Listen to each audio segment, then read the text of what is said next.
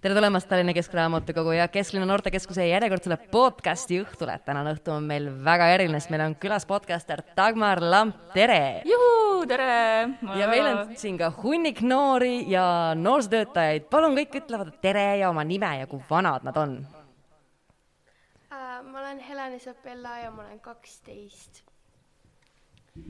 mina olen Reelika ja kakskümmend viis. Elisabeth ja kakskümmend viis Äh, ma olen Diana, ma olen kaheksateist. ma olen Liisa ja ma olen ka kaheksateist. mina olen Dagmar, ma olen kolmkümmend kuus. väga äge, nüüd olemegi kõik tuttavad ja saame hakata pihta ja uurima podcast'ide põnevat maailma.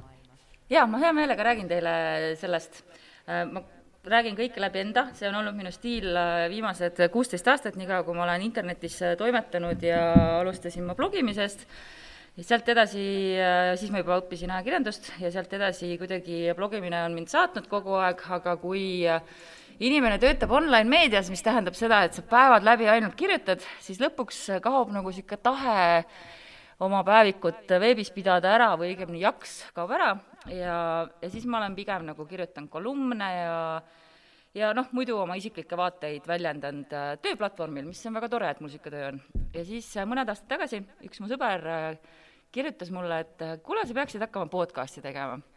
ma olin just kirjutanud mingi sellise kolumni, kus äh, ilmselt oli see mingi naiste, naistevastase vägivalla vastu ja igal juhul ma panin kogu oma südame sinna ja see on alati nii õudne, sest ma võtan nagu naha pealt ära ja siis mul närvid kõik on laiali ja siis nad kirjutavad mulle vihakirju ja see on nii õudne ja siis ma olin käinud just WC-s niimoodi pikali olemas, sest et äh, see kõik on nii õudne, kui sa ennast nagu välja valad täiega. ja siis ma naersin, et nalja teed või? Et ma just kirjutasin midagi sellist, mis mind paneb nii hullult läbi elama, et, et, et kui ma nüüd podcast'e ka veel hakkaks tegema ja nagu muudkui ainult lämiseks sellest, kes ma olen ja mida ma arvan, siis ta ütles, vot sellepärast sa peadki, et, et näidata või rääkida seda, mis on veel sõnade taga.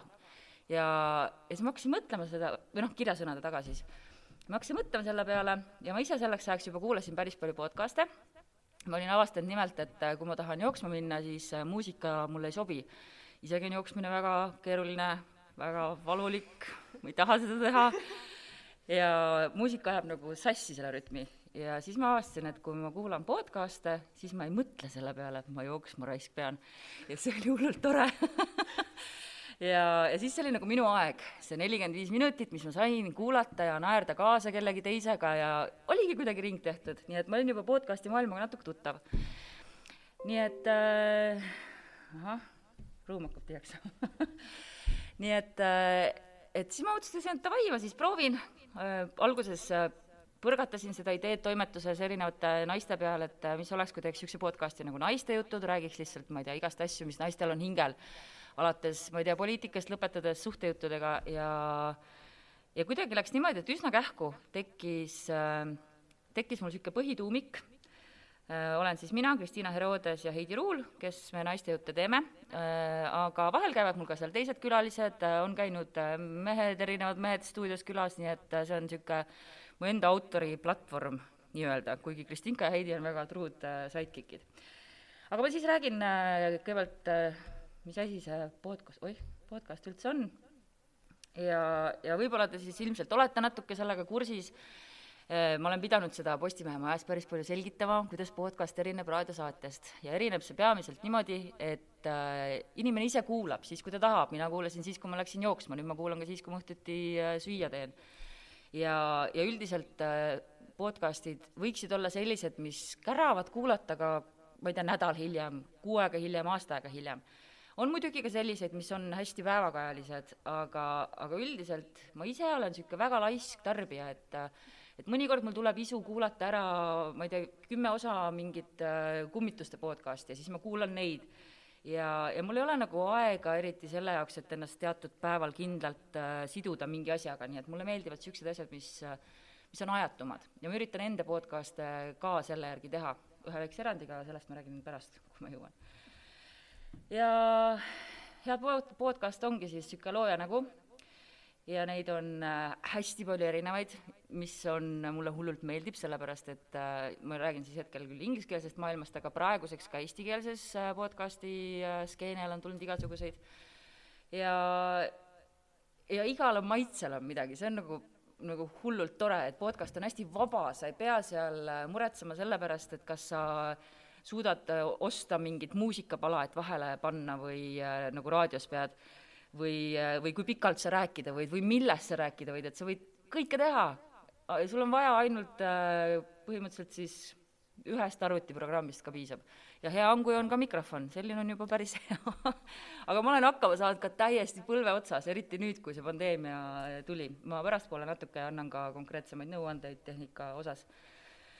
Ja nagu te näete, siis äh, eks mul, ma ei hakka neid üle rääkima, ma võin teile pärast anda need ligipääsud sellele.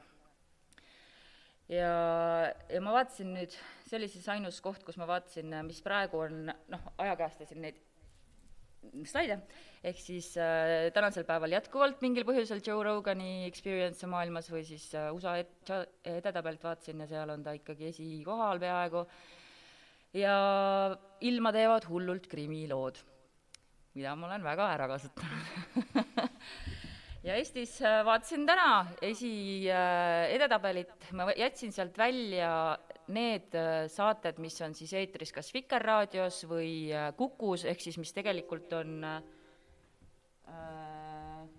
oota, midagi siin ei loe, mis tegelikult on raadiosaated, ehk siis ka raadiosaateid väga palju antakse praegu välja podcasti vormis, mis ilmselt äh, sobib väga paljudele aga, aga ma jätsin nad välja, sest et nad ei ole päris podcast'id ikkagi, podcast'id on ikkagi, nad ei ole raadiosaated. Nii et äh, praegu jätkuvalt on äh, meie Harimati ja Mikael Meemaa tussisööjad on esikümnes, üllatuslikult avastasin, et naiste jutud olid hetkel äh, teisel kohal, kui ma jätsin välja kõik need Kuku ja Vikerraadio ja mis see kolmandal oli, see Täitsa Pekkis saade, ma ei ole seda kuulanud, ma ei tea, mis see on, aga või noh, ma ei ole seda kuulanud, ma tean, mis see on. kas ma äkki, ma võin, ma ei tea, bändata midagi, elektrit anda. Nii. Eh, ehk siis eh, ma ei tea, tussisööjatega olete ilmselt kõik kursis, minu meelest nende fenomen ongi täpselt selles, et eh, nad teevad seda südamest ja vabalt, mulle isiklikult see formaat ei meeldi, sest see on liiga pikk, mul ei ole aega kolm tundi kuulata, kuidas kahekümnendates meesterahvad räägivad suhteprobleemidest, aga ma ei ole ka enam kahekümnendates, ehk siis need teemad on minu jaoks juba nii möödas ja tehtud, et ma ise teen saateid enda vanuses inimestele ja ühe teise saatega tuleb välja, et mul on väga lai kuulajaskond. aga nagu näha, siis hakkasin kokku lugema täna, palju mul neid saateid on. Ja naistejutudega alustasin, äh, siis tuli mul idee, et ikkagi see crime, true crime on maailmas väga popp ja et peaks Eestis ka seda ära kasutama ja ainus inimene, keda ma suutsin välja mõelda, kellega ma tahaksin seda teha, oli Andres Anvelt ja kahe tuhande kaheksateistkümnenda aasta sügisel teatas Anvelt, kes oli siis veel äh, minister, et tema astub nüüd tagasi, sest tal on äh, tervis kehv. ja ma mõtlesin, täitsa pekkis, nüüd sureb ära ka veel ja ma polegi jõudnud talle kirjutada, et tahaks podcast'i teha. Ja siis ma mõtlesin natuke ja veel elasin selle mõtte otsas ja see kogu aeg näris mind ja mul oli nii hea visioon, ma teadsin, kuidas ma seda teha tahan ja ma kuulasin teisi krimi podcast'e, kuidas nemad teevad ja sain nii palju inspiratsiooni. Ja siis ma küsisin ühe tuttava käest, ühise tuttava käest, et kas ma võin pöörduda, et on ta väga haige või kuidas temaga nagu on. ja siis tuli välja, et, et tal lihtsalt sai veits kopp ette sellest ministriks olemisest, ma ei tea, kas ma nüüd ütlen mingi suure saladuse välja, ja ta oli väga pardal ja, ja ma pidin ka muidugi talle seletama, mis on podcast, aga ta on hoolimata oma väga väärikast vanusest päris hästi aru saanud. ja, ja seda Rõimade podcasti me nüüd teeme, selle erinevus on see, et me teeme hooaja kaupa, me teeme kaheksa osa ja kevadeti, me oleme nüüd kaks hooaega teinud, sest sinna läheb lihtsalt nii palju tööd ja lisaks meil on iga kord külas üks politseinik või uurija, kes on selle juhtumiga üheksakümnendatest, mida, millest me räägime, isiklikult seotud.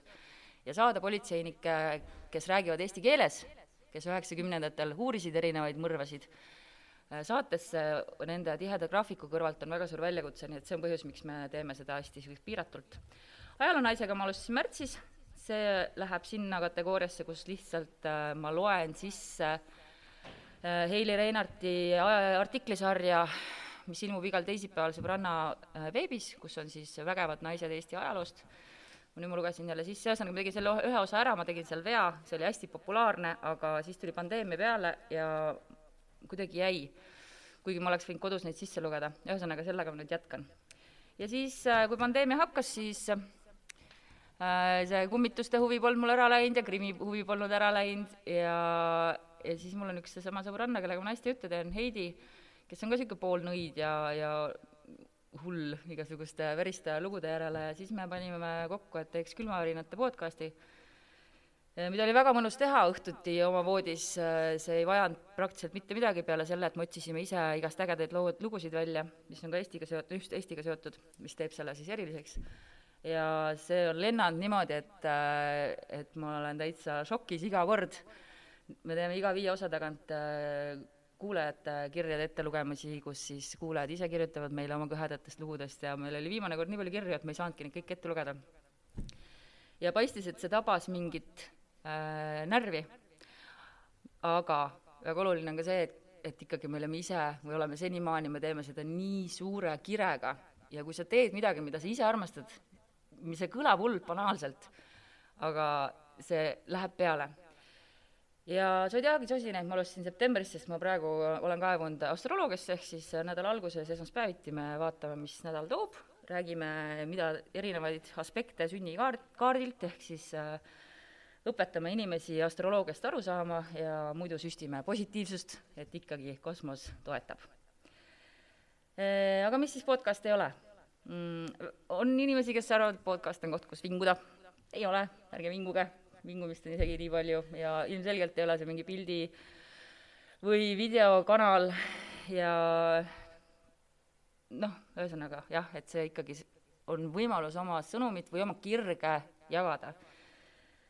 Ma ei mäleta praegu, kas mul on kuskil siin, ahah, ikka on ka, kuidas seda teha. Et mingid konkreetsed nipid, mis on mind aidanud. üks kõige olulisem asi, mida vist, ahah, on ikka siin kirjas, üks esimene, esimesi asju, mis mulle öeldi kunagi, on see, et alusta lindistamist äh, justkui sa läheksid otse-eetrisse. esimeses saates ma muidugi ei järginud seda või esimesed saated mõtlesin, ah, küll ma pärast lõikan sitta sa lõikad, sul on nii raske, kurat.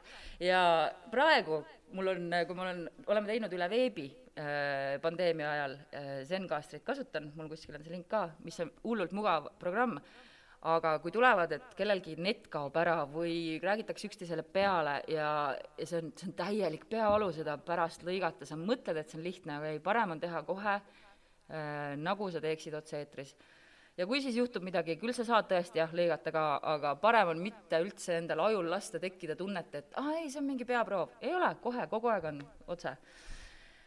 Ja ajakava on hästi oluline, selle ajaloo naisega ma tegin valesti. Äh,, tegin ühe ära ja siis jätsin ripakile. Äh,, tegelikult ikka kuulajate jaoks on väga oluline see, et nad teavad, millal nad sisu saavad. Äh,. kuigi see veits käib justkui vastu sellele, et et kuulaja kuulab siis, kui ta ise tahab. Aga kui sa oled ikka väga suur fänn, näiteks mul on mõned podcast'id, kes ka mingid kummituste omad, kus ka kord kuus tehakse kuulajakirjade ettelugemisi, mis mulle hullult meeldivad, noh, päriselu inimeste kogemused. ja ma alati väga ootan, et kui on kuu esimene, siis tuleb. ja kui nad jätavad hiljaks, siis ma olen väga pahane. ja, ja üldse, ma tean, äh, mingid traditsioonid mul on seotud, et ahah, esmaspäeviti tuleb äh, see podcast ja siis ma kohe nagu ootan seda nii et äh, ajakavast tasub kinni pidada. ma tean ka Eestis podcastereid, kes väga ei viitsi ja kes on sellest hoolimata populaarsed, aga minu meelest on see lihtsalt niisugune austus ka nagu inimeste suhtes, et äh, et sul võib minna hästi ja ikka olla populaarne ja inimesed armastavad sind nii palju, et nad kannatavad ära selle, aga noh, milleks nagu, see on niisugune, ma ei tea, niisugune basic human thing, et ole, ole lihtsalt normaalne inimene ja ära pane inimesi kannatama asjatult, kui pole vaja. Ja siin ma olen vist enamiku asju äh, ära öelnud, see kvaliteet versus kvantiteet, äh, no ma kardan, et mul on juba liiga palju podcast'e, et kuskilt kvaliteet hakkab äh, kannatama, aga siin ma olen tegelikult pidanud silmas, et et, et, et episood võiks olla tihe. inimesed on harjunud pooletunniste või tunniajaste, ehk siis kahekümneminutiliste või neljakümne viie minutiliste episoodidega telekas, meil lühikesed sarjad on kakskümmend viis minutit, koos reklaamidega kolmkümmend minutit, pikad sarjad nelikümmend viis minutit koos reklaamidega tund aega. Ja inimesed on harjunud sellega. Ja kui see läheb üle selle, siis me hakkame veits nihelema. ja lihtsalt tänapäeval enamikel inimestel on äh, tähelepanu kaob, hajub, ma ise tajun seda enda pealt väga. Ja, ja ma ise väga jälgin, et äh, kui ma olen pannud, et see on neljakümne viie minutiline saade, mis mul enamikud on, välja arvatud et see on pooletunnine, et, et me ka jääme sinna. külmavärinatega meil on eriti see kiusatus, sest meil on alati liiga palju materjali ja tahaks hullult rääkida kõik lood korraga ära ja siis tuleb lihtsalt jõuga, ei noh, me saame järgmine nädal neid lugusid teha, me ei pea praegu pressima sisse. nii et, et pigem tekita niisugune, niisugune rütm ja kui sul on näiteks saates erinevad äh, segmendid, erinevad osad, äh, panen sinna vahele muusikat, inimesel on äh, hea ta-, tunnetada, et saade läheb edasi. ja tehniliselt, kui te nüüd mõtlete, et miks mitte proovida, võtaks sõbrantsid kokku ja, ja hakkaks jutustama, miks mitte, tehke, minu meelest igasuguseid asju on veel Eestis katmata ja isegi kui need teemad on kaetud, siis keegi ei tee seda nii, nagu teie teeksite. Ja Zencaster on see, mida ma kasutan, nad andsid äh, märtsikuus äh, suure lubaduse, et nad äh, hoiavad oma platvormi tasuta kuni pandeemia lõpuni, ma arvan, et mingil hetkel nad said aru, et see reklaam võib-olla ei ole majanduslikult väga tark otsus, aga senimaani nad tasuta on. ja, ja Audacity on tasuta programm, millega saab ka lindistada, aga üle veebi ei saa, ehk siis selleks te peaksite mõlemad nii istumas. ma ei tea, mis, mis sa praegu kasutad? meil, meil on Ableton okei okay., seda, sellest ma ei tea midagi äh, aga jah, ma olen saanud hakkama Audacity'ga ja Zencastriga ja pulti, pult on mul töö juures olemas, saan ka ilma selleta hakkama. ja, ja konto on siis äh, kõige olulisem koht, kust kaudu jõuab podcast äh, imekombel kõikidesse äh, äppidesse, kus seda kuulata saab, Spotify'sse äh,, Apple podcastidesse ja nii edasi. ma kasutasin SoundCloudi, kuni Postimees ütles, et äh, ära kasuta SoundCloudi, sellepärast et äh, meil on vaja, et klikid tuleksid meile ja kuulamised tuleksid ka meile, et me saaksime ükskord ise panna reklaamid vahele sellest, miks see reklaamivärk on imelik, võime pärast rääkida. Nii et praegu mul kahjuks meie Postimehe sisse ehitatud süsteem ei anna väga head statistikat. ma kasutan statistikaks niisugust kohta nagu Chartable see on kõikidele nähtav, te saate seal vaadata, kui hästi mõnel podcastil läheb, näete, kui teete oma podcasti, näete, kuidas need, sellel läheb. Aga SoundCloud andis hullult head statistikat, nii et, et ma seda tegelikult soovitan. ja Poila lähebki läbi RSS-i kohale. Need on nüüd nõuanded, mis ma olen veebist kokku korjanud.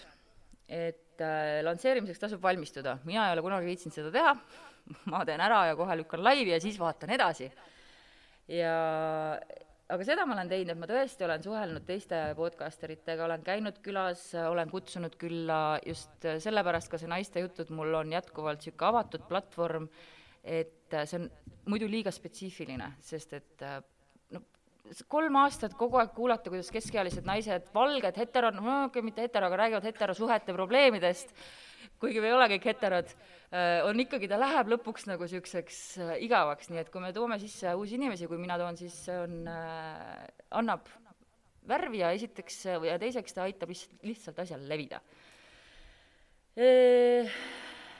Jah, ja enamik neist nõuannetest on sellised, mida ma lihtsalt veits nagu targutan, sest et mul on olnud taga ikkagi suurkorporatsiooni tugi kuigi nad ei ole aru saanud päris väga pikka aega, mis ma teen, äh, siis äh, kui ma panen üles episoodi sõbranna.ee lehele või Elu24 lehele, siis noh, ilmselgelt seal näevad seda sajad tuhanded silmapaarid, isegi kui nad sinna ei kliki, on sellel ikkagi koht, kus olla. täitsa tühjast minna on palju keerulisem, aga kunagi ma olen ju oma blogi täiesti tühjast käima lükanud, jõudnud ka tuhandete lugejateni ja, ja see on tehtav ma arvan, et te olete kõik äh, väga head sotsmeedia enda huvides ärakasutamisel. aga ära tühja pro-, produkti müü, müü siis, kui sul on juba midagi seal anda. nii äh,, siin on niisugune statistika osa, mille ma jätan praegu vahele, sest ma annan teile need slaidid ja kui, kui te lähete, lähete seda teed, siis, siis saate lähemalt uurida ma räägin siis natuke reklaamist, sellepärast et äh, raha ja raha meeldib kõigile ja eriti lahe on ju teha asja niimoodi, et see hakkab sulle endale ka sisse tooma ja kas või lihtsalt taskuraha esialgu.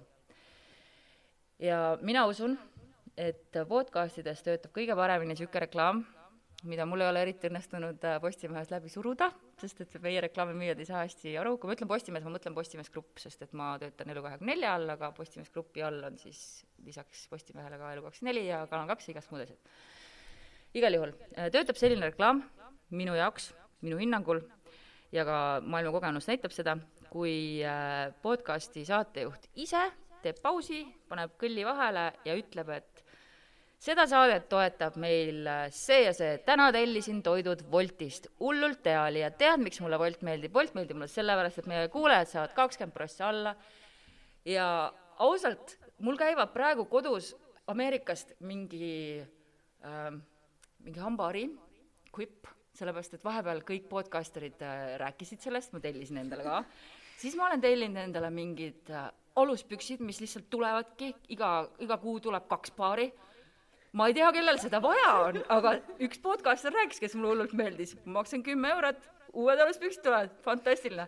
ehk siis äh, on inimesi, kellel on neid kümnekaid loopida ilmselgelt, nagu mina. Ja, ja lihtsalt sellepärast, et inimene, kes mulle meeldib, kes mind ajab naerma, kes on põnev, et see firma toetas tema podcasti ja see inimene ütles, et talle endale ka meeldib see toode ja selline asi, ma arvan, müüb Eestis või müüks Eestis ka väga hästi, kui seda osutaks ära kasutada. ehk siis, kui ma praegu alustaksin täiesti nullist ise, siis ma läheneksin äh, veits nii, nagu ma lähenesin siis, kui ma blogi pidasin, ehk siis ma vahel pöördusin ka lihtsalt firmade poole, üt-, ütlesin, mul on Ulaka Kaunitariga näiteks, Ulakas Kaunitar on äh, toetanud äh, meie podcasti äh,. siin oli üks inimene, kes oli alaealine, aga mis ikka, seks on normaalne eluosa, ühesõnaga äh, mulle väga meeldib Ulaka kaunitari pood ja ma pöördusin ise nende poole ja ütlesin, et näed, mul on niisugune podcast, et äh, kas saate kuidagi toetada, panna välja mingi auhinna või midagi? Ja nad ongi olnud, ma praegu saan selle omanikuga ka nii suurepäraselt läbi, aga ühesõnaga, selline proaktiivsus töötab ja kui ära seletada ja kui te näitate veel numbreid ka, et näed, siin on äh, iga nädal kuussada inimest, kes kuulab ja maailma kogemused näidanud, et nendest kakskümmend protsenti suure tõenäosusega ostab, siis ma arvan, et see on väga hea argument, sest et äh, praegu mõõdetakse reklaami, seal on mingi erinevad igasugused markerid, aga peamiselt selle pealt, palju sinna klikitakse äh, veebis siis just ja noh, mida Postimees Grupp tahab teha podcastidega, mille vastu ma hullult olen, on see, et panna sisse automaatsed reklaamid. ehk siis äh, nagu raadios et mina räägin seal oma, ma ei tea, suhteprobleemidest või kummituslugusid ja siis tuleb järsult sisse reklaam, mis ei ole isegi minu kureeritud, ehk siis ma ei ole saanud sinna sisse lõigata õiget kohta, kus võiks pausi teha, vaid tuleb sisse reklaam, on kõll ja siis on, ma ei tea, täna on hauakividele kakskümmend protsenti allahindlust, mis võib-olla Roima podcastis töötab päris hästi, aga naistejuttudes not so much. nii et äh, ja, ja ma tean ka inimesi, kellele ma tõesti olen nagu mingeid asju, mis mulle hullult meeldivad äh,, müünud maha läbi eetri ja ma ei saa võtta ise selle eest raha pihku, sest et ma töötan korporatsioonis. nii et äh, ma julgustan teid, kui te tahate taskuraha teenida, siis ma arvan, et nii saaks. ja siin ma olen veel sedasama natukene äh, vähem äh, emotsiooniga püüdnud öelda e,. ja siin on ka siis niisugune väike Äh, viide, et kuidas seda tehniliselt teha, viisteist sekki või siis kuuskümmend sekki.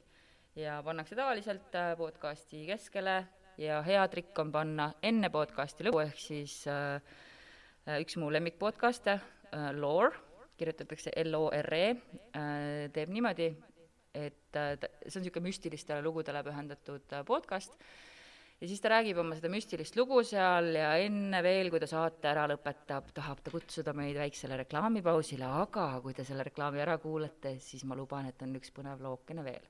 ja siis ma alati kuulan ära, ära selle reklaami ja alati jälle lähen vaatama, kas Eestisse on võimalik tellida seda asja, millest ta just rääkis. Vot, ja, ja selle ja sellepärast, et see, kogu see reklaami asi on mul hästi hinge peal olnud, äh, ma sellest nii pikalt äh, ka rääkisin. aga äh, nüüd vist võime teha seda, kus teie ütlete, mis on need osad, millest ma võiksin veel rohkem rääkida.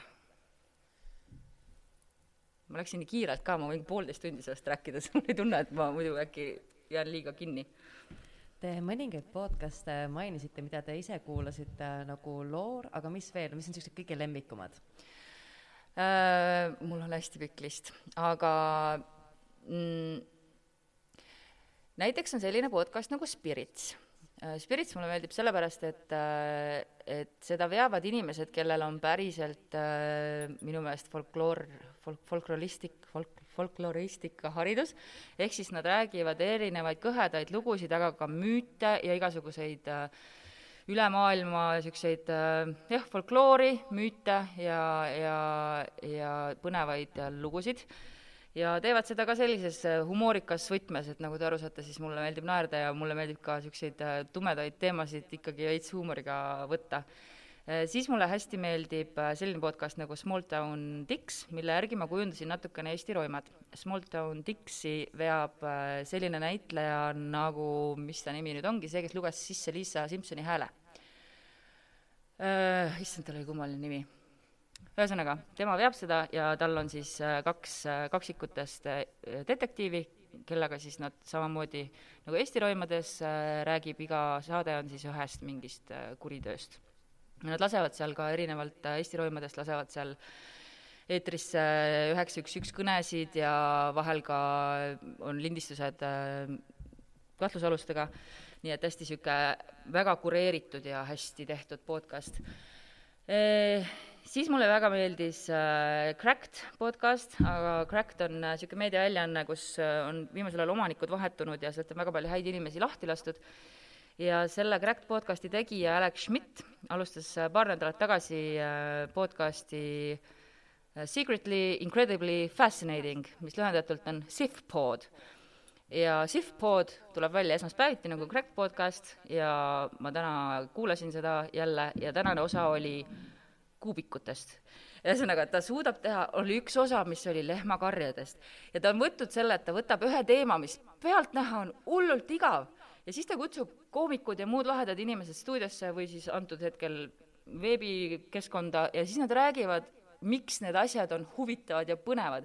ehk siis miks need kuubikud, need puidust klotsid, millega me mängisime lapsena, miks need on salaja huvitavad. või miks lehmakarjad on salaja huvitavad ja see on kohutavalt naljakas ja nagu minu meelest ka nii originaalne idee, et sa hakkad lihtsalt rääkima tellisest ja see on ju nii põnev tegelikult, kui sinna hakata kaevuma, et äh, kust äh, üldse tulevad tellised, kuidas me üldse hakkasime kunagi tegema. et selline mulle meeldib loor, mulle meeldib, äh, nagu ma mainisin, loor on tehtud ka kaheosaliseks telesarjaks, mis on Amazon Prime'is täiesti olemas. Ja siis üks, mis mulle pakub alati, mida ma julgen, kõik need, mida ma praegu soovitasin, on niisugune igale vanusele sobivad ja üks, mis mulle pakub alati suurt-suurt äh, leevendust igasugustest elumuredest, mida kaks tuhat kakskümmend on ju meile kõigile hästi palju pakkunud, on äh, Dumb People Down ehk äh, lollide inimeste linn. ja seal on koomikud, neid on neli tükki ja alati neil on, ei, kolm tükki, alati neil on üks külaline ka saates ja selle saate ülesehitus on selline, et nad loevad ette naljakaid ajal, ajaleheartikleid kus inimesed on teinud eriliselt lolle asju. ja, aga neil on ka reeglid, et seal ei saa kunagi keegi surma, loomad ei saa viga, noh, sellised asjad, et sa ikkagi saad nagu julgelt hirnuda selle üle, kui lollakad inimesed on ja see on nagu, ja nad viskavad nii head nalja selle üle ja see on täiesti niisugune, et esiteks sul on nii hea enda üle, et sa ei ole nii loll. ja teiseks lihtsalt, no me kõik tahame vahepeal naerda. nii et neid ma kuulan, Eesti omasid ma äh, ma kuulan äh, vähe, ma pean tunnistama, et isegi üks podcast, mida ma aitasin käima lükata, mis äh, võttis natukene äh, šnitti sellesama Spiritsi pealt ja üks mingi podcast oli veel, kus nad äh, viskavad täispeaga, ühesõnaga joovad veini ja viskavad uudiste üle nalja. päevapokaal on selle nimi, seda teevad minu tiimist kaks inimest, Triin ja Madis, ja ma aitasin seda käima lükata ja ma olen seal nüüd ühe korraga külas käinud veel. Ja, ja ma kuidagi nagu, ma hullult tahan oma tiimi toetada, aga kuidagi, ma ei tea, ma eestikeelseid asju ei taha üldse tarbida, kui ma puhkan. Et ma kogu oma info kuidagi saan ingliskeelsest äh, infoväljast ja, ja või noh, see pole päris õige, ma ikkagi eestikeelseid äh, vanu ajuleht, ajalehti loen külmavärinate jaoks just, aga ühesõnaga, jah. Aga igal juhul ma soovitan päevapokaali rääkides nendest äh, külmavärinatest, mis oli kõige põnevam lugu, mida seal uurida? alati on kõige põnevam lugu see, mida ma pole saanud veel linti võtta ja rääkida. ehk siis äh, sel nädalal äh, oh, ma nii, ma olen nii, ma olen nii äh, noh, iga nädal ma, kui ma lähen nendesse lugudesse, siis mulle tundub, et see on kõige parem lugu, mis ma olen iial välja kaevanud sel nädalal me, ma võin siin natuke spoil ida, tuleb äh, Estonia huku, hukule pühendatud episood. ja mina konkreetselt kaevasin välja ühe mõrva ja, ja siis me pühendame veel ka Urmas Alenderile aega ja mida Heidi välja kaevas, seda ma ei tea. aga, aga kui ma mõtlen tagasi, meil on tegelikult, mis meil on, natuke üle kahekümne episoodi praegu ja neid lugusid on olnud nii palju juba, et, et vahel mulle meenuvad mingid kangelased, näiteks üks mu lemmiklugusid oli, oli Gonsiori tänava Verine roim, kus oli niisugune kangelane nagu Koppelmann ja, ja siis mulle jäi, äh, kes lihtsalt, äh, noh, te peate kuulama see Koppelmann oli väga huvitav tüüp. ja siis ma leidsin mingi, mingi järjekordse mõrvaloo, kus oli ka Koppelmann. aga see oli mingi teise nimega ja mulle kuidagi nagu nii pakub huvi endale see, et issand, noh, kuidagi nagu see kahekümnendate, kolmekümnendate Eesti Vabariik kuidagi nii, aa, seal olid inimesed. Mõnel olid samad nimed ja kõik olid kurjategijad, noh, see kuidagi aga mu enda jaoks kõige Mm, rohkem elu mõjutas vist äh, Muumiate saade, kus ma avastasin, et, äh, et Haljala kirikus olid muumiad. Või noh, on ilmselt senimaani, neid lihtsalt kirste pole lahti tehtud mõned sajad aastad. Ja see oli praegu eriti hea, et tuli nagu neid kirste pole lahti tehtud siis keegi tõmbab ukse lahti thanks. ja, ja ma hakkasin neid muumiaid unes nägema enne kui me selle saate linti võtsime, sest ma uurisin selle kohta nii palju ja ma kaevasin nii hullult. ja siis mul tekkis mingi tunne, et ma olen veits, et, et äkki ma ei peaks neist rääkima. et äkki nad ei taha, et ma nagu nende rahu nagu rikun. ja siis mul oli nädalavahetus, kus äh, esiteks suri mu kass ära, siis mul läks boiler katki ja siis läks pesumasin katki, nii et ma ärkasin nagu mitu hommikut järjest üles, mul oli järjekordne traagika ja see oli täpselt sel nädalal, kui see Muumiate episood oli, et siis ma hakkasin küll mõtlema, et äkki me ei peaks tegelema selliste asjadega, mis kogu aeg kuidagi nagu paranormaalsust nagu veidike nagu torgivad. aga, aga noh, kass oli kuueteistaastane ja boiler oli umbes sama vana boileri aastates ja nii et äh, ei ole kah igal asjal vaja siin otsida võib-olla mingit sellist äh, põhjendust. aga see Muumiate asi oli minu jaoks hullult põnev noh, kujutate ette, Eestis on muumiad täiesti hull ju. ja veel Peeter Esimese sõdurid olid silma ühel peast ära löönud, täitsa nagu, no kuidas see ei saa põnev olla? Eestis Haljala kirikus, sealtsamast on pärit Tanel Padar. võib-olla see ka kõik on omavahel seotud nii et, et jah, ma olen kuidagi jah, kuidagi väga suutnud külmavärinatesse kogu oma kire ja veidrad huvid panna aga mis on olnudki just niisugune kõige ekstreemsem juhtum, kas siis seoses podcast'ide tegemisega või ka üldse ajakirjandusega, mis on nagu selle tööga seoses juhtunud? ohoh. ma saan aru, see, see oli ka nüüd väga ekstreemne näide, mis praegu just jah, see oli jah, niisugune, aga see võib ka alati, skeptikud ütleksid, et noh, seda, mis ma just ütlesingi siin rahustuseks. Äh, no ajakirjanduses muidugi juhtub igasuguseid asju äh, kogu aeg. Ähm, ma ise naudin kõige rohkem, mis ta naudin, naudin on jumalast vale sõna, ma ei tea, miks ma seda ütlesin praegu. ma vist olen nii vaimus, sest ma saan podcast'ist rääkida. Kõige vastikum osa sellest on ikkagi need vihakirjad ja vihased kommentaarid ja neid ma olen äh, saanud äh, päris palju oma elu jooksul. ja, ja ühe korra on mind ka pressinõukogusse kaevatud.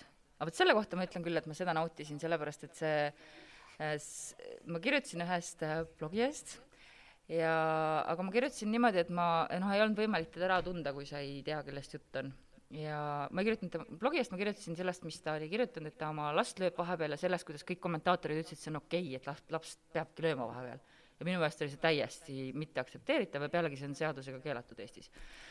Ja siis ta sai hästi vihaseks ja kõigepealt ta vist kaebas niisama, siis ta alustas äh, sotsiaalmeedias kampaaniat minu vastu ja siis äh, läks pressinõukogusse. ja see viimane osa oli täpselt see, mida ma tahtsingi, et ta teeks. või noh, mitte, et ma oleks kirjutanud selle jaoks, et ta mind kaevaks, vaid sellepärast, et kui inimene tunneb, et talle tehakse ajakirjanduses liiga, siis see on esimene koht, kuhu sa lähed, sa lähed pressinõukogusse. ja, ja seal on väga kindlad äh, reeglid, mida me peame järgima. ja mind mõisteti loomulikult õigeks, sest et ma olin kõiki reegleid järginud. et, et selles mõttes ma noh, nautima ongi vale sõna natuke, aga mul oli hea meel, et see niimoodi lahenes, sellepärast et et see inimene kindlasti ei olnud õnnelik, aga vähemalt oli kuskil mingi objektiivne nii-öelda siis kogu või kohus, kes oli öelnud, et Eestis on tõesti niimoodi kirjutamine lubatud. ehk siis see lahenes kuidagi ära.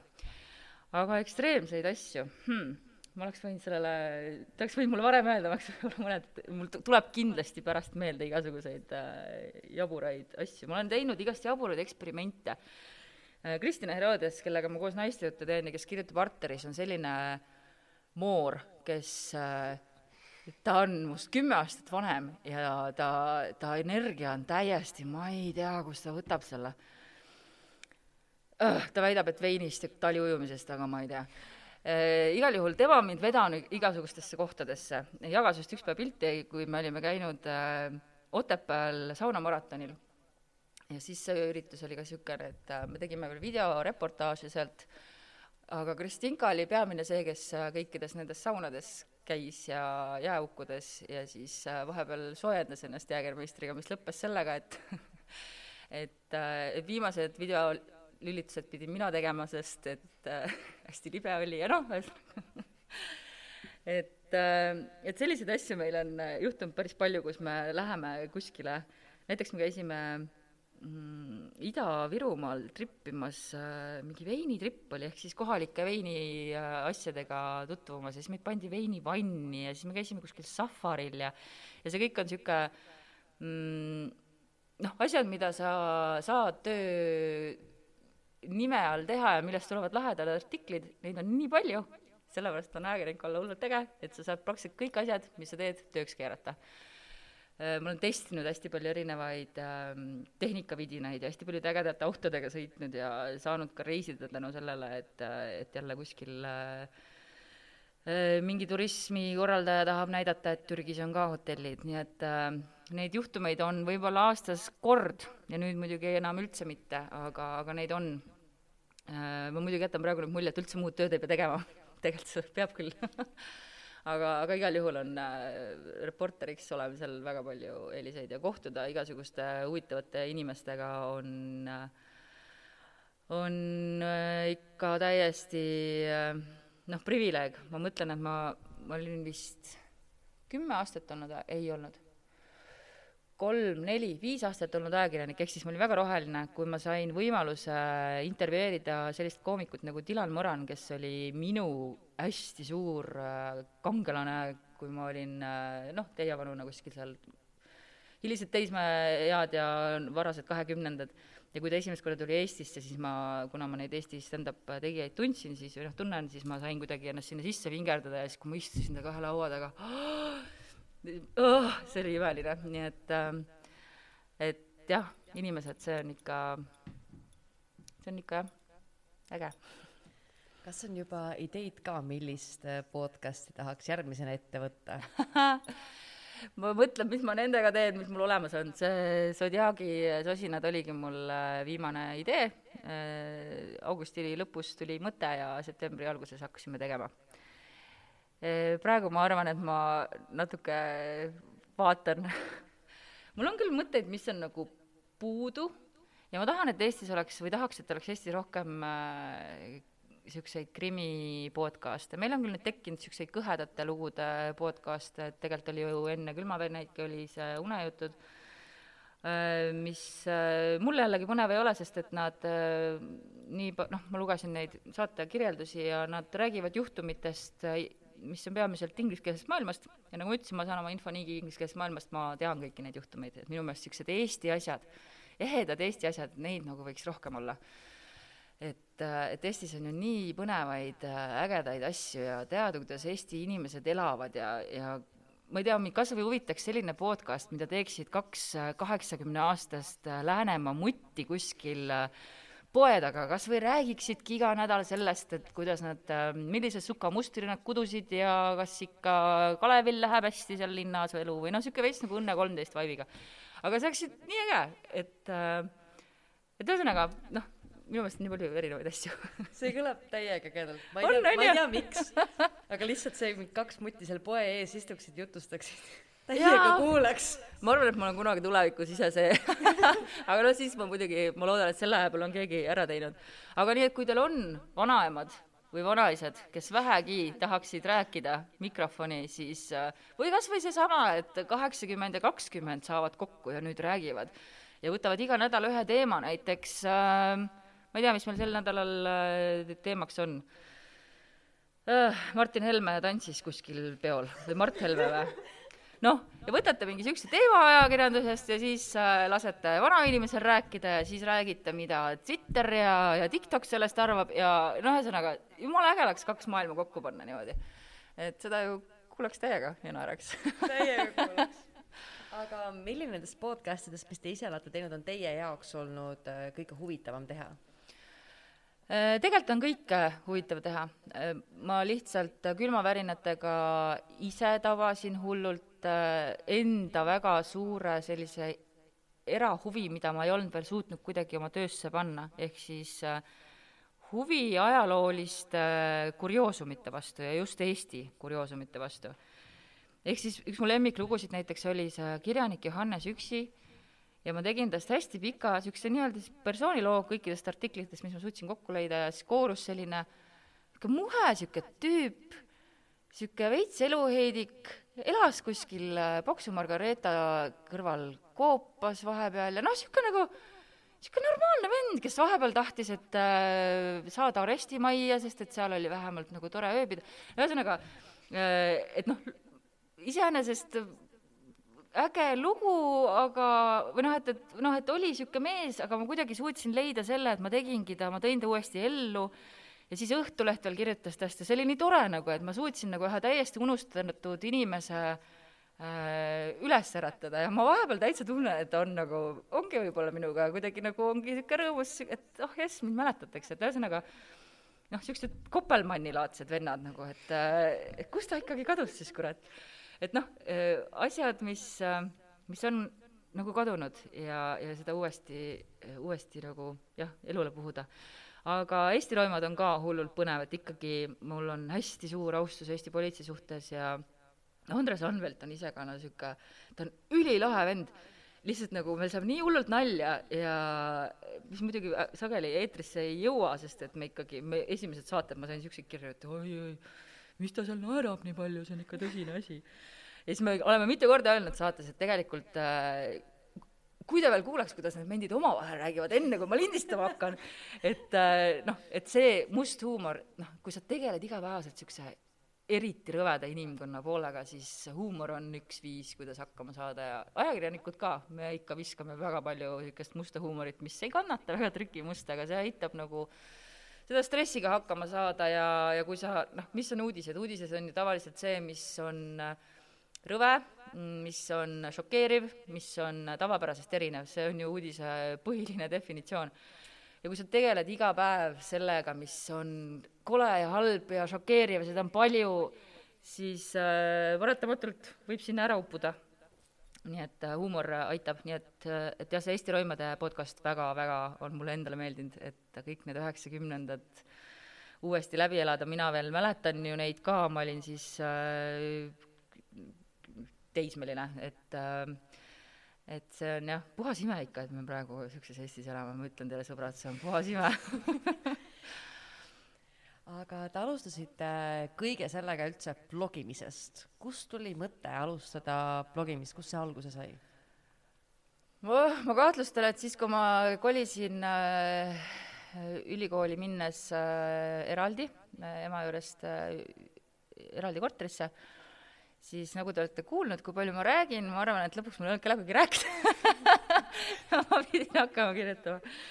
Ehm, tegelikult oli niimoodi, et sellel ajal äh, blogimine oli hästi uus äh, meedium, ma lugesin selle kohta Ekspressist, oli Tristan Priimägi kirjutanud artikli, et Eestis on äh, viis blogijat ja et mis nad teevad. ja seda viite või kümmet blogijat ma nimetan Eesti esimeseks blogijate laineks või põlvkonnaks ja, ja siis ma hakkasin otsima kohta, kus, et mis see on, mulle meeldib kirjutada, ma olen eluaeg kirjutanud, ja, ja ma olen all eluaeg kirjutanud oma päevikuid äh, nähtamatule lugejale, ehk siis mu päevikud olid niisugused, et kui tavaliselt teismeline tüdruk tahab, et keegi ei loeks, siis mul oli ikka niimoodi, et äh, ma alati lootsin, et keegi loeb. ma olen isegi välja mõelnud sinna mingeid sündmusi, sest ma arvasin, et keegi loeb. keegi ei lugenud muidugi. ja nüüd mul on väga raske aru saada, mis juhtus päriselt ja mis ei juhtunud päriselt nii et, äh, et see oli nagu hästi loomulik jätk minu jaoks. Ja sealt kuidagi hakkas äh, minema, alguses ma muidugi surusin ka oma blogi kõikidele hästi palju kurku mm, äh, sõpradele, et palun lugege, lugege kõiki mu nukraid mõtteid, mis on ühel natuke depressiivsusele kalduval kahekümneaastasel neiul. aga edu hakkas tulema siis, kui ma enam nii väga ei ei püüdnud suruda ja kui ma hakkasin ise enda nina otsast natuke kaugemale vaatama, ma küll väga palju olin väga enesekeskne väga pikalt oma blogis, aastaid ja aastaid, mul on ikka väga piinlik lugeda mingeid asju, aga nagu kõikide asjadega, nagu ka podcasti müümisega või üldse, kui sa teed mingit loomingut, siis väga oluline on suhelda ka teistega, kes teevad samasuguseid asju. Äh, räägi inimestega, kuula, mis teised teevad, räägi kaasa või siis blogide puhul loe, mis teised teevad, räägi kaasa, lingi, viita, võta sõna päevakajalistel teemadel, et see kõik nagu aitas sellel äh, blogil kasvada ja ühtlasi äh, arendas seda, et ma olen äh, üsna okei okay online ajakirjanik. Et ei jääks nüüd muljet, et ma siin üksi nüüd kärin ja käsi, küsin ja pärin appi, ma ei oska enam kärin on väga hea. kärin, küsin, püsimise ja, küsimise ja pärimise appi, kõnevõime on kadunud. et tegelikult need on küsimused, mida me olime siis koos noortega ennem ette valmistanud ja kuna noored ikka natukene pelglikumad, siis ma need lugesin nüüd siit ise ette. aga noored, kas te nüüd julgete ka häält teha, on, tuleb, on teil vahepeal tulnud mingi küsimus pähe, mida kindlasti tahaks veel ära küsida? Ja mul on näiteks see, et mis hobid on veel peale nende, mis on nagu üldiselt sinu igapäevaelus mm,? jumala hea küsimus. mul on läinud niimoodi, et, et ma olen kõik oma hobid suutnud kuidagi tööga siduda, mis on mõnes mõttes hea, sest et noh, nagu kõik ütlevad, on ju, et äh, armasta seda, mida teed ja sa ei tööta päevagi oma elus, mis on puhas vale, ma töötan kogu aeg, iga päev, kogu aeg ja ma olen imesid kogu aeg, et äh, ühesõnaga, see on tegelikult hullult lahe, sest et, äh, et ma saan teha äh, ja veel makstakse ka, on ju, või vähemalt ma saan siis kasutada oma platvormi selleks. aga, aga jah, paraku on niimoodi, et mu aju töötab kogu aeg, iga asi, mul on sa-, sada märget, märkmepaberit igal pool, oh, sellest saaks loo, ma vaatan õhtuti lollakaid Youtube'i videosid, lihtsalt selleks, et mitte mõelda ja siis nad loevad ette sealt mingit r slash Redditi teemat ja siis mul tuleb jälle sealt, aa, siit saaks jumala loo. aga ma olen äh,, üritan joogat teha, jooksmas enam eriti ei käi ja siis ma loen ka päris palju, aga lugemine on ka juba niisugune, kus on juba jälle, et siit saab hea loo kuhugi ära kasutada. ja, ja siis ma tegelen igast niisuguste tahaks öelda nõiavärkidega, sel suvel ma tegelesin hästi palju nõiavärkidega, ma korjasin igasuguseid äh, ravimtaimi ja siis ma keerutasin need kokku nendeks tõlvikuteks, mis ma panin kuivama ja nüüd saab need otsast kärssama panna ja siis ma saan käia nendega viirukit teha toas ja ja siis mul on mingid äh, küünlarituaalid, mida ma vahel teen, ühesõnaga mul on niisugused äh, imelikud hobid. Et ma jälgin kuud näiteks ja, ja sealt on ka see astroloogia teema mulle nagu hästi, hästi äh, tulnud. ja metsas käin see kõlab kohutavalt igavalt, aga eile ma käisin metsas ja jumala põnev oli. aga ma käisin muidugi selles metsas, kus on, mida ma kutsun kummitusmetsaks, nii et noh et ühesõnaga kõik asjad on ikkagi mingit otsapidi seotud sellega, mis, mis ma teen. nii, nii, kus see kummitusmets on? Kloogal. ma elan Kloogal. Kloogal oli koonduslaager ja seal paraku hukati äh, paar tuhat inimest. ja seal on äh, nii memoriaal kui ka enne seda on äh, päris palju metsa ja, ja Memoriaal, ma võin siis vihjeks öelda, ei asu seal, kus nad päriselt hukati. ma sain selle omal nahal tunda. kas, kas see on ka teema, mis on külmavärinatest läbi käinud? ma just hakkasin mõtlema, et äkki ma ei ole seda lugu seal rääkinud. vot, tuleb ära teha. tuleb ära teha, muidugi. Heidil on palju rohkem igast asju juhtunud kui mul. vaata mis ma mm -hmm kas on midagi, mis sulle üldse ei meeldi podcast'ide juures või on midagi sellist, mis nagu häirib vahel? või midagi? jaa, on, on, mul on äh, sellega praegu probleem, et äh, mul on neid liiga palju. et äh,, et tegelikult mulle meeldiks palju rohkem selline rütm, et et ma teen ette, ehk siis mul oleks juba näiteks tänase päeva seisuga, kolmapäeva seisuga olemas nii reedene külmavärinad kui laupäevane naistejutud. Mul on lihtsalt, ma olen natuke liiga suure tüki endale hammustanud ja, ja nädal saab liiga kähku läbi ja teine on see, mis võib-olla ma kardan, et mina hakkan teisi häirima, ehk siis mul endal tekib vahepeal see, et kui ma pean mitut enda saadet ühel päeval toimetama, siis ma veits väsin ära iseendast. et äh, ma tean, et enamik teist vist, kui te olete kuulnud oma häält äh, diktofoni lindilt, siis see on niisugune cringe, on ju. Podcastis esiteks kõlab teie hääl üsna loomulikult ja teiseks, sellega harjub hullult ruttu ära. just sellega, kui on kvaliteetselt lindistatud. selle diktofoni asjaga läks mul ka ikka mitu aastat ja ma pidin ikka iga päev mõnda oma intervjuud kuulama ja kogu aeg oli sihuke kohutav, et kõik kuulavad mind siukse häälega. Aga, aga sellega harjub. aga ma siin pean just sel-, silmas seda, et, et võib-olla äh, ei pea just mina kõike rääkima et võib-olla neid podcast'e võib ka nagu vähem olla, mida just mina teen, et võib-olla kuidagi nagu fookust seada, aga samas ma tahan praegu proovida ja, ja jääb vee peale see, mis, mis jääb.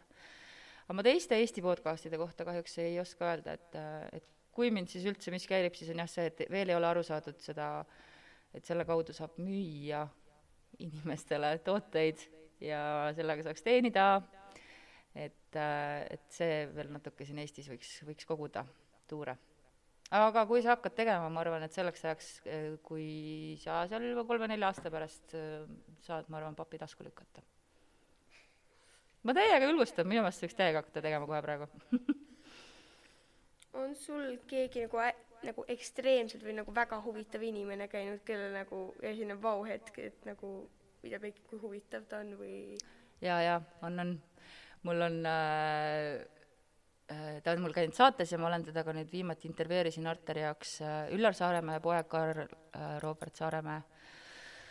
On nii imeline inimene, et äh, ma olen lihtsalt, ma ei tea, see on mingi sihuke huvitav sihuke, ta ei ole nagu päris crush ka, aga ta on ikkagi väga sinna sarnane nagu teema, aga see-eest ma arvan, et tänu sellele ma suudan või noh, suutsin teda ka väga hästi portreteerida, et, et ma väga imetlen teda ja ja sel positiivne laeng, mis ta mulle annab äh,, kuidagi noh, ma loodan, et ka kuulajad ja lugejad said selle, et ta on tõesti niisugune, no ma ei tea, ma läksin temaga kohtuma mõlemad korrad, kui ta tuli mulle saatesse ja kui ma nüüd läksin temaga kohtuma augustis, ei, mis augustis, maikuus äh,, oli täpselt juhtunud niimoodi, et ma olin Peikast lahku läinud ja, ja oli veel niisugune tunne, noh, nagu ikka on, kui äh, ka lahkuminek on, isegi kui ta pole õudne lahkuminek, on ikka niisugune tunne, et noh, kas on kuskil veel järel mingeid mehi, kes on normaalsed. ja mis siis, et ta mingi umbes kümme aastat noorem must, siis see, et ma temaga kohtusin ja ma sain nagu, kuulasin teda ja nägin, kuidas ta mõtleb ja ma sain aru, et tõesti on, on, on et kui tema on, siis neid peab veel olema. nii et noh, niisugused lihtsad asjad sul on nii head küsimused, kuule, nii lahe, high five. aga nüüd ma küsiks niisuguse küsimuse, ma küsiks noortelt ka küsimusi. palju teie podcast'e kuulate? jah, ma oleks pidanud seda alguses kohe küsima teilt mm,.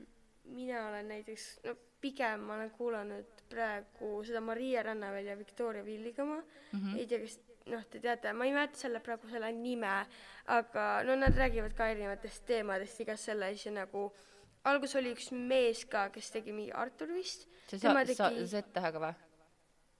ma ei tea praegu, aga äh, aga jaa, tema nagu tegi selle Maria Rannaväljaga alguses ja siis see oli tegelikult väga huvitav, kuidas nad tegid ja see oli nagu huvitav kuulata, kui ma nagu mm -hmm. midagi mängisin või õppisin või midagi. väga lahe. aga teised, kes mind hirmunud silmadega vaatavad? natuke midagi ikka.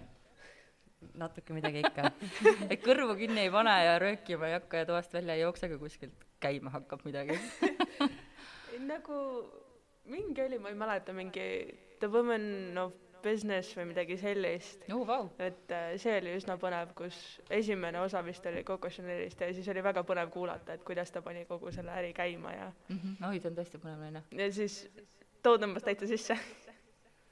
aga Liisa ja Reelika, kuidas teiega lood on? keegi, keegi ei pääse lihtsalt.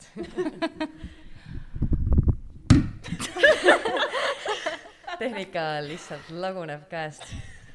Äh, mina kuulan pigem kodumaiseid ka ja pigem just siis, kui näiteks pikad autosõidud või mingi suurem koristamine käsil, et siis ma pigem panen mõne podcast'i peale, kui kuulan raadiot või midagi sellist, muusikat. jah, ma ka koristamise ajal nüüd kuulan, varem kuulasin muusikat, aga nüüd kuulan pigem las keegi räägib, ma ei pea mõtlema sellele, et ma koristan. ja mulle just kuul-, meeldibki kuulata pigem meie nagu kodumaiste tuntud äh, inimeste siis lugusid, et kuidas nad on sinna jõudnud, kus nad praegu on ja kas seda äkki see Täitsa Pekkis saade teeb ka, onju? jaa Jaa, ja,, ma olen okay. seda ka kuulanud mm. -hmm. Liisa, Äh, ma ei ole väga kuulanud, aga ma olen ka vist ainult Eesti omasid praegu kuulanud, aga ma ei ole väga leidnud seda, mida ma tahaks kuulata. no õnneks neid on palju ja kindlasti tuleb juurde. jaa, kindlasti, aga ma lihtsalt, kui mind ei takistata, siis tuleb. aga mis oleks teie unistuste podcast, et osad teist nüüd kuulavad podcast'e, osad vähem, et need, kes te ei kuula, mis oleks see podcast, mis paneks teid kuulama, mis on need teemad, millest te tahaksite, räägiksite ja need, kes juba kuulavad, mida te tunnete, et tahaksite veel oleks? mm,. ma ei oska niimoodi nagu teemat öelda, aga ma oskan öelda seda, et ma nagu tahaks kuulata inimesi, kes on nagu täpselt minu maailmavaatega, kes nagu näevad asju nagu mina näen või nagu on olnud samades olukordades, mis nagu mina olen ja siis kuidas nemad sellest välja tulnud on või kuidagi nagu huvitavalt mm -hmm. nagu jutustanud on midagi ümber. see tundub täiega põnev, ma mõtlen eriti just nagu, kui rääkida noorte eludest, siis ongi nagu, noored saavad omavahel suhestuda ja leida mõttekaaslasi, mulle tundub täiega põnev see. Mm, ja teine väga oluline aspekt on minu meelest see, et äh, et ei ole olemas täpselt sinu sinu sarnase maailmavaatega inimest, aga kindlasti on neid, kes on sarnased. ja see teeb ka ju põnevaks, et ükski inimene pole täpselt teise koopia ja sa saad alati midagi õppida kelleltki, et ta annab midagi uut sulle võib-olla, et ah, oota, tema mõtleb hoopis niimoodi sellest, ahaa hmm,, põnev. ja noortele võiks tõesti ju olla rohkem, ma ei tea jah seda maailma, et ma nagu ma ütlesin, mul see sihtgrupp on, on teine. Kuigi külmavärinaid kuulavad ka mu õelapsed väga suure huviga, kes on kaheksa-aastased, nii et äh, me püüame seal mitte öelda roppe sõnu. mulle meeldivad muidu kuulata nagu mingi üldse mingi krimmi, mulle meeldivad filmid, mulle meeldivad nagu üldse nagu õudukad ja nagu igas äh, selles mõttes äh, žanras on nagu hea kuulata mingeid erinevaid podcast'e või mingeid lugusid või sa oled õigel teel, naine, sa oled õigel teel. ma kusjuures külmavärinate kohta tahan veel seda öelda, et äh, noh, ma arutasin oma õega seda, et, et nad ka autosõidu, sõitudel just kuulavad äh, külmakaid hästi palju ja ma hakkasin korra muretsema, et ja samas ma ju kodus lindistan ja mu enda laps samamoodi, kes on üheksane äh,, kuuleb ju ka teises toas olles neid äh, lugusid, vähemalt minu reaktsioone ja minu lugusid, et kas see ei ole natuke liiga õudne. Ja ja kui ma vaatan seda, meil hakkas üks päev, ma panin selle külmavärinate Instasse ka, sööme rahulikult ja järsku hakkab äh, seinalamp lihtsalt niimoodi vilkuma. lihtsalt mitte midagi ma ei teinud, lihtsalt hakkas vilkuma. vaatame lapsega niimoodi, ohkasin, see oli täpselt pärast seda, kui ma külmavärinaid olin toimetanud. laps ütles, et kummitus või? ma ei tea, võib-olla jah, või äkki majavaim pole süüa saanud ammu, noh, niisugune täpselt nii, nagu ma praegu räägin siis mina olin mingi, ah okei okay,, aga mine siis anna majavaimule midagi süüa sinna ahju alla ja ma ei tea, et äkki see kummitus siis, me nüüd teame, et sa jälgid meid, aga okei okay,, lase nüüd olla, noh, et ta võttis seda nagu hullult rahulikult, et ta veits võib-olla ironiseeris, aga mitte eriti palju, ehk siis äh, nähtamatu maailm on ju kahtlemata olemas äh,, kvantfüüsika on kahtlemata olemas ja minu meelest on kuidagi isegi natuke eluterve, et me räägime ka teispoolsusest ja me räägime ka sellest, et inimesed surevad, see käib meie elude juurde ja seda ei maksa nüüd nii väga karta. ehk siis äh, ma õigustasin ära endale selle ühesõnaga mu point. et äh,, et minu meelest üldse tasub äh, nii lastele kui noortele noh, nende intelligentsi võtta tõsisemalt, et nad äh, saavad väga hästi aru ja nad saavad aru, kust lähevad piirid ja ja ma isegi oma lapsele ei ole nagu öelnud, et äh, mõned sõnad oleksid nagu ropud sõnad, sest et äh, noh, mõned sõnad on niisugused, mida ära õpetajas ütle, aga noh, sõna on lihtsalt sõna. et äh, sõnal on see tähendus, mis me anname talle. et haiget saab ta ainult siis teha, kui sa lased. ja nii edasi. aga teised noored, mis te keegi ei mäleta enam algset küsimust saad sa korrata? unistuste podcast. mis on teie unistuste podcast, mida te tahaksite kuulata, mis paneks teid kuulama podcast'e rohkem kui varem? ma arvan, et otseselt sellist asja äkki ei ole olemas, äkki on lihtsalt see, et sa pead selle otsa sattuma, et aru saada, oh, see on ju see, mis mulle hullult meeldib. või lihtsalt ei olegi mm -hmm. olemas siis podcast'i, ta saaks nõus kuulama, ükskõik kui hea on võib-olla aga see võib olla ka ju niimoodi, et, et nagu see Coco Chanel'i osa, et, et muidu lihtsalt see teema, see ainukese episoodi teema kõnetas sind, ülejäänud teemad samas sarjas ei lähe nagu korda. et äh, võib ka ju nii olla, et sa avastad lihtsalt teemakaupa erinevatest saadetest, et äh, et miks mitte. see oli väga veider, ma ei saanud üldse aru, et miks see mulle nii väga meeldib, aga ma kuulasin seda nii suure huviga. väga lahe. siis on kindlasti järelikult veel, aga ma usun küll, et see otsa sattumine on, äh, on ka niisugune hea viis avastada, jah aga mina noorsootöötajana võib-olla sooviks kuulata rohkem noorte enda podcast'e, kus nad räägivadki, mis just sellest praegusest elust, kuidas nemad näevad asju, kuidas nemad tunnevad, mida nad sooviksid. et seda oleks võib-olla väga tore kuulata, aga väga ei ole nagu noorte podcast'e või vähemalt ma pole peale sattunud. no me näeme vaeva sellega, et seda muuta aga Liisa, kas sul on mingit unistuste podcast'i? No ma isegi ei tea, mis mulle meeldib, nii et ilmselgelt ei. aga see on väga okei okay., ma ei tea senimaani vahepeal, mis mulle meeldib ja ma tean, et need asjad, mis mulle praegu meeldivad, võib-olla aasta pärast ei meeldi ja ma tüdinen neist ära, nii et äh, see on väga okei okay. aga loodetavasti meie enda podcast sulle meeldib, on ju? jah meeldib küll, jah. väga küsimärgiga, jaa aga olgu sellega, me tõmbamegi tänaseks otsad kohtu, järgmine kohtumine on meil juba kolmekümnendal septembril kell seitseteist null null ja koguneme Tallinna Keskraamatukogus Estonia puiestee kaheksa. suur aitäh teile ja järgmise korrani, tšau!